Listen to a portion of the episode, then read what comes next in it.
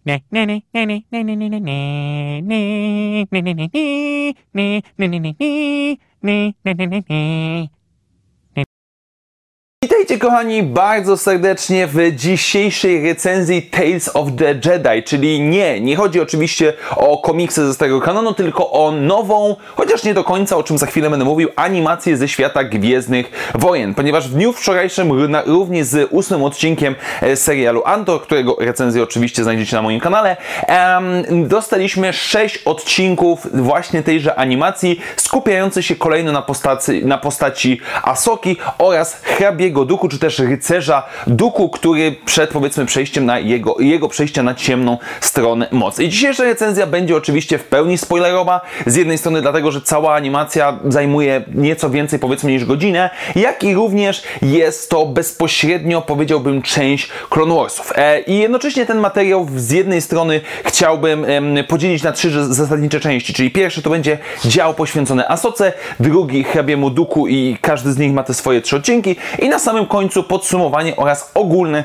przemyślenia na temat em, tej animacji, tego, tej, tej rzeczy, czy też tak naprawdę dodatku do Clone Wars. Tak więc nie przedłużając, przejdźmy do naszego dzisiejszego spotkania z Tales of the Jedi. I zaczynamy od Asoki, która dostaje kolejno pierwszy, piąty i szósty odcinek, ponieważ zakładam, że odcinki są podzielone zgodnie z chronologią Gwiezdnych Wojen, ale ja przynajmniej oglądałem je w całości tak jak, jak były podzielone na bohaterów, czyli najpierw obejrzałem Asokę, potem Hrabiego Duchu i szczerze mówiąc polecam to zdecydowanie, żeby połknąć to wszystko naraz. I tak jak mogliśmy się domyśleć po trailerach, tak jak mogliśmy się domyśleć po zapowiedziach, trzy odcinki dzielimy na trzy zasadnicze elementy. Po pierwsze mamy wczesne dzieciństwo Asoki, kiedy ona przychodzi na świat i po raz pierwszy ukazuje swoje predyspozycje względem mocy. Drugi odcinek jej szkolenie z Anakinem, jeżeli chodzi o przygotowanie się na najgorsze rzeczy. No i ostatni, trzeci odcinek, czyli pogrzeb Padme oraz em, jej życie, to czy życie Asoki po wydarzeniach zemsty Sithów i konfrontacja z jednym z inkwi- inkwizytorów.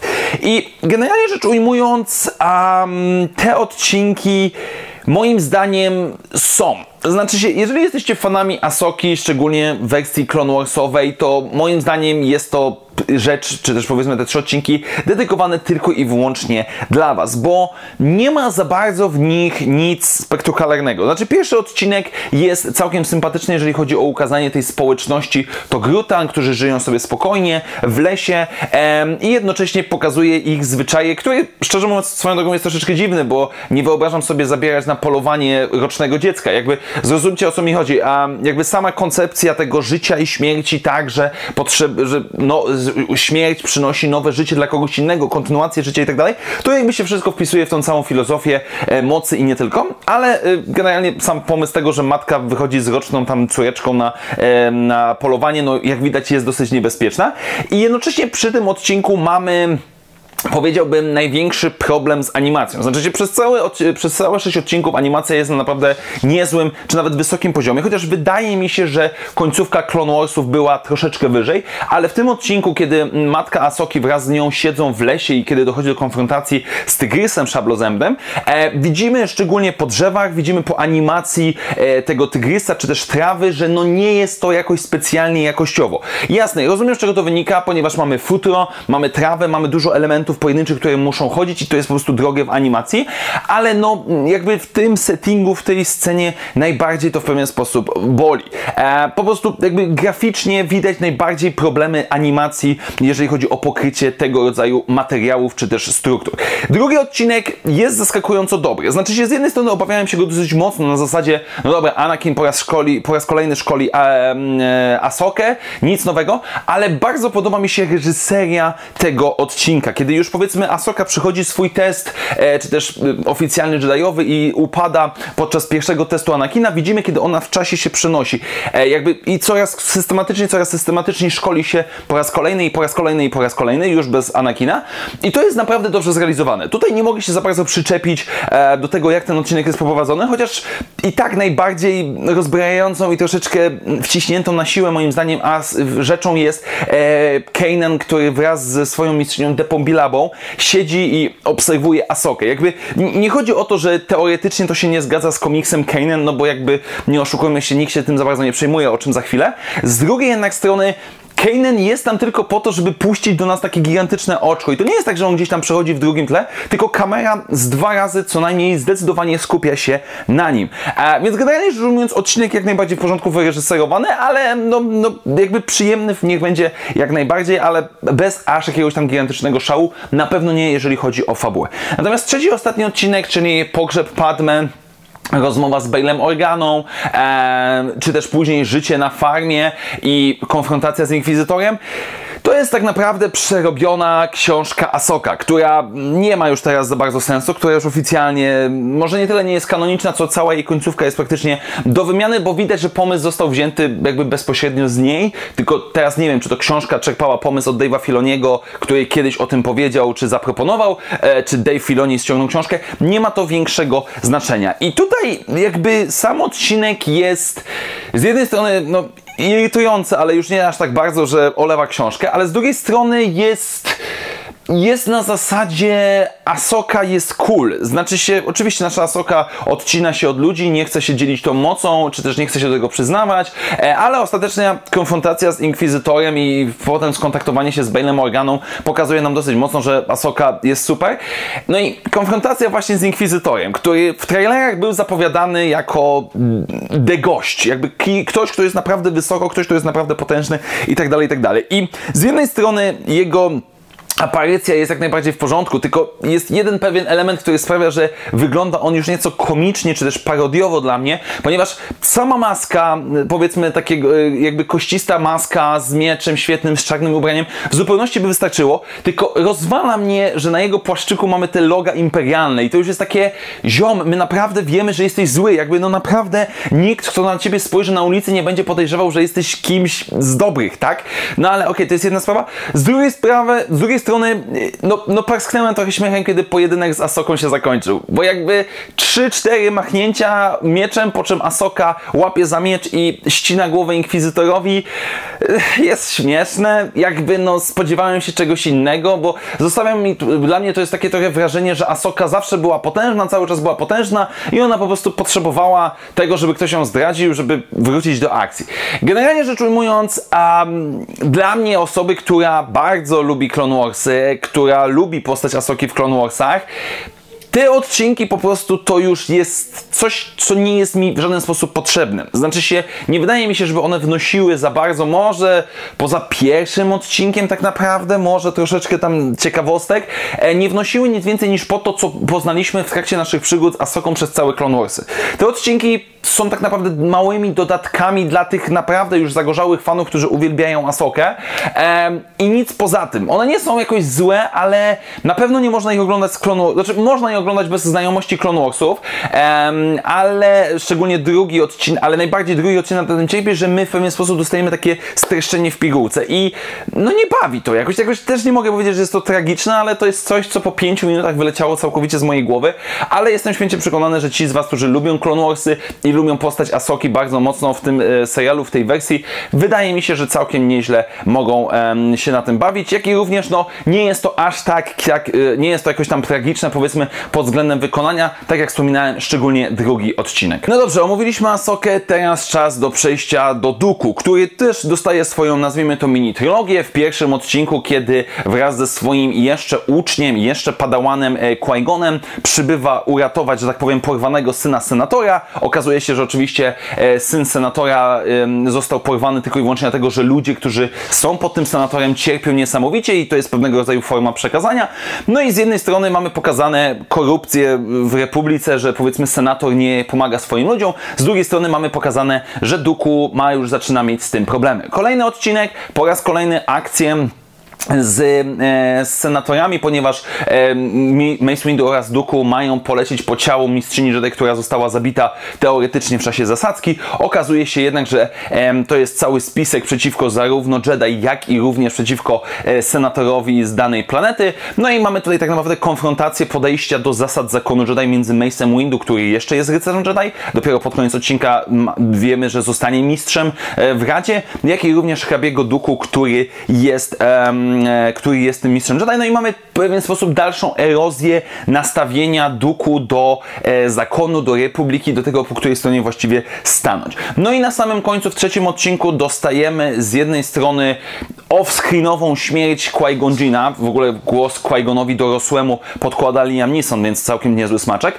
Um, I mamy tak naprawdę y, im pokazane, że Duku tuż po śmierci Qui-Gona, jeszcze powiedzmy przed jego pogrzebem, e, udaje się spotkać z Palpatinem. Wiemy, że on już współpracuje z Palpatinem, śledzi go Yaddle, która nakrywa go i Palpatina, próbuje go przekonać do jasnej strony mocy, no ale dochodzi do konfrontacji między nią a Duku i ostatecznie Duku ją zabija, pieczętując ostatecznie swoje przejście na stronę Palpatina, na stronę ciemnej strony mocy, ale cały czas powiedzmy argumentuje to, że on chce zbudować lepszy świat, nie tak skorumpowany jak Senat, Republikę i tak dalej.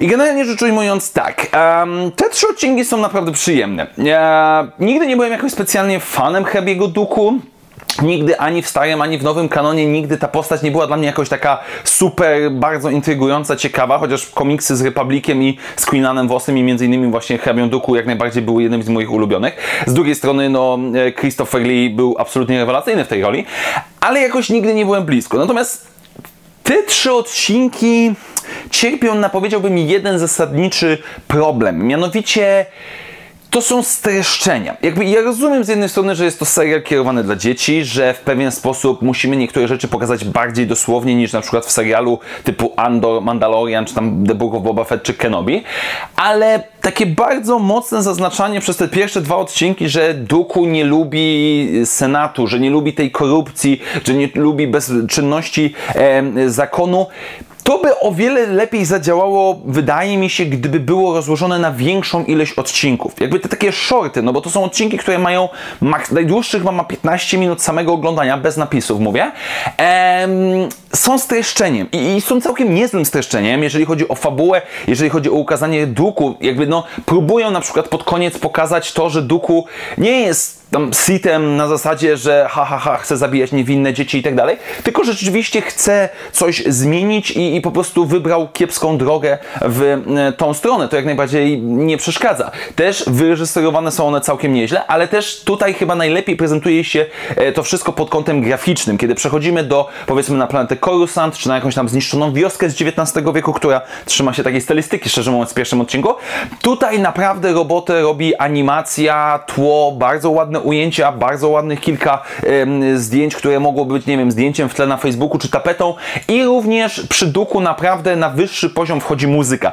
O ile przy y, Asoce to ona była sobie gdzieś tam brzdękała w tle i dobrze wpasowywała się, przy Duku jak najbardziej wybija się to powiedziałbym jeszcze na wyższy poziom, szczególnie w tym trzecim odcinku. Generalnie rzecz ujmując, te trzy odcinki mają, są o wiele moim zdaniem bardziej wartościowe niż, niż Asoka, ale z drugiej strony zostawiają trochę niesmak na zasadzie można byłoby tego więcej pokazać. Można byłoby, nie wiem, dodać jeszcze jakiś jeden etap e, przejścia Duku na ciemną stronę mocy. Jakby jest tutaj sporo dobrych rzeczy, ale ja czuję przynajmniej niedosyt. No i oczywiście jest fakt tego, że um, czy serial Days of the Jedi, jeżeli chodzi o Duku, wyrzuca do kosza książki takie jak Padawan, takie jak Mistrz i Uczeń, czy ewentualnie um, czy ewentualnie e, Duku Jedi Lost a, słuchowisko i książkę. Generalnie rzecz ujmując, ponieważ tutaj widzimy, że Duku um, walczy z Yaddle tuż po śmierci Qui-Gon czyli w trakcie Mrocznego Widma, no i wtedy możemy założyć, że on przechodzi na ciemną stronę mocy. I problem jest taki, że w tamtych książkach, o których przed chwilą wspominałem, przed Mrocznym Widmem Duku nie był już członkiem zakonu Jedi, ale nadal przychodził do zakonu Jedi, żeby na przykład porozmawiać sobie z Radą Jedi i tak dalej. I kwestia jest tego typu, że ten trzeci odcinek, bo on nas interesuje, jest dosyć otwarty do interpretacji. Co mam powiem na myśli? Że nigdzie nie jest w trakcie odcinka powiedziane, że Duku jest albo nie jest w zakonie. Znaczy się, on sobie chodzi, widzimy, że tam rozmawia z członkami Rady, między innymi z Jadl, ma swój miecz świetlny, i ciężko jest mi to powiedzieć. Jakby dla mnie jest dosyć jasne, wydaje mi się, że on jest członkiem tego zakonu Jedi, przez co olewamy to, co się działo w książkach. Z drugiej jednak strony można interpretować to na zasadzie takiej, że nie mamy żadnego potwierdzenia, że on nie jest w tym zakonie. Więc tutaj zostaje interpretacja dowolna. Jest to pewnego rodzaju furtka, żeby ewentualnie połączyć to wszystko razem. Ale wiecie co, no tak jak już nieraz, nie dwa wspominałem, ja już nie tyle nie się przejmuję, co pogodziłem się w pewien sposób z, z tym, że e, jeżeli chodzi nawet nie o Dave'a Filoniego, tylko jeżeli filmy albo seriale, czy to seriale animowane, aktorskie, będą chciały nagiąć, zmienić coś, co było w książce i w komiksie, to tak się będzie działo. Tak się pewnie będzie za chwilę działo z Andorem, i z jego spotkaniem się z Kate Winslet, tak działo się w The Bad Batch, tak działo się w The Mandalorian, The Book of Boba Fett.